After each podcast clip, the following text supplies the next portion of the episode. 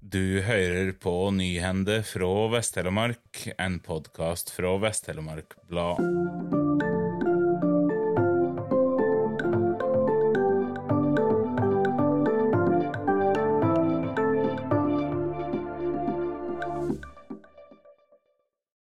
Vindbyggen har aller flest valgmuligheter i Vest-Telemark på valgdagen, da hele sju partier stiller liste i kommunen. De 112 kandidatene er også naturlig nok flest av alle kommunene.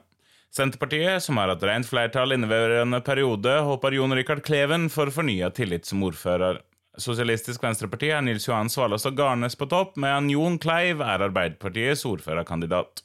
Av de andre partiene som også stilte liste i 2019, er Liv Bente Tvenge listet opp for Høyre, medan Bjørn Ronny Jervsjø står øverst på Frp-lista, etter at mangeårig representant for partiet, Halvor Langvik, trapper ned og er helt ned på åttendeplass. Partifloraen i kommunen har også to nye tilvekster ved årets valg. Åshild Bringsvær Sunde er IMPs ordførerkandidat, med en Irje Helene Godal topper Vinje tverrpolitiske bygdeliste. Når det gjelder sistnevnte, er det verdt å merke seg at det er tidligere representanter fra både KrF og Venstre på lista, to partier som ikke stiller lister i år. Gjennomsnittskandidaten i Vinje er den eldste i hele Vest-Telemark, på 55,5 år.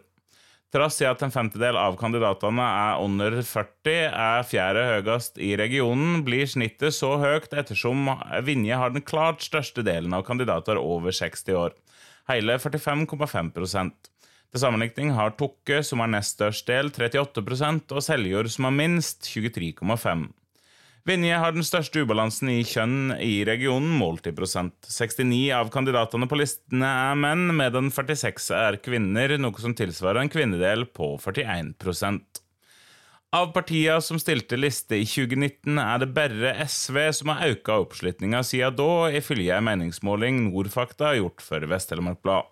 De går opp 5,3 prosentpoeng til 17,9 og ligger med det an til å gå forbi Arbeiderpartiet, med en oppslutning på 15,8% som det nest største partiet i kommunen.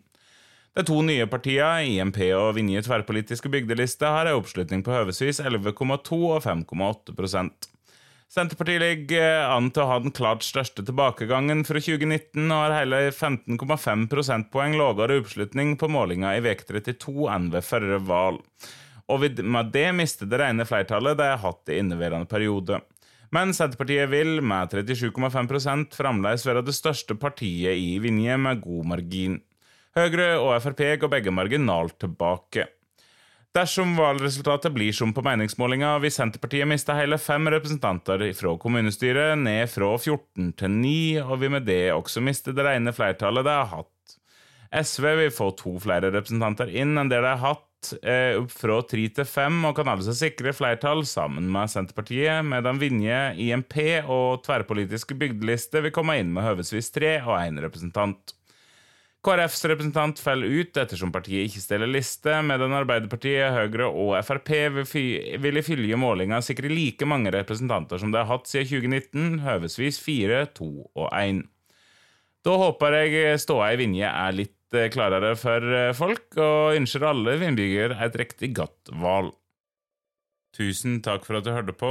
Denne sendinga var produsert og presentert av Asla Kringhus for Vest-Telemark Blad, og musikken er laga av Symre Taugbølbang.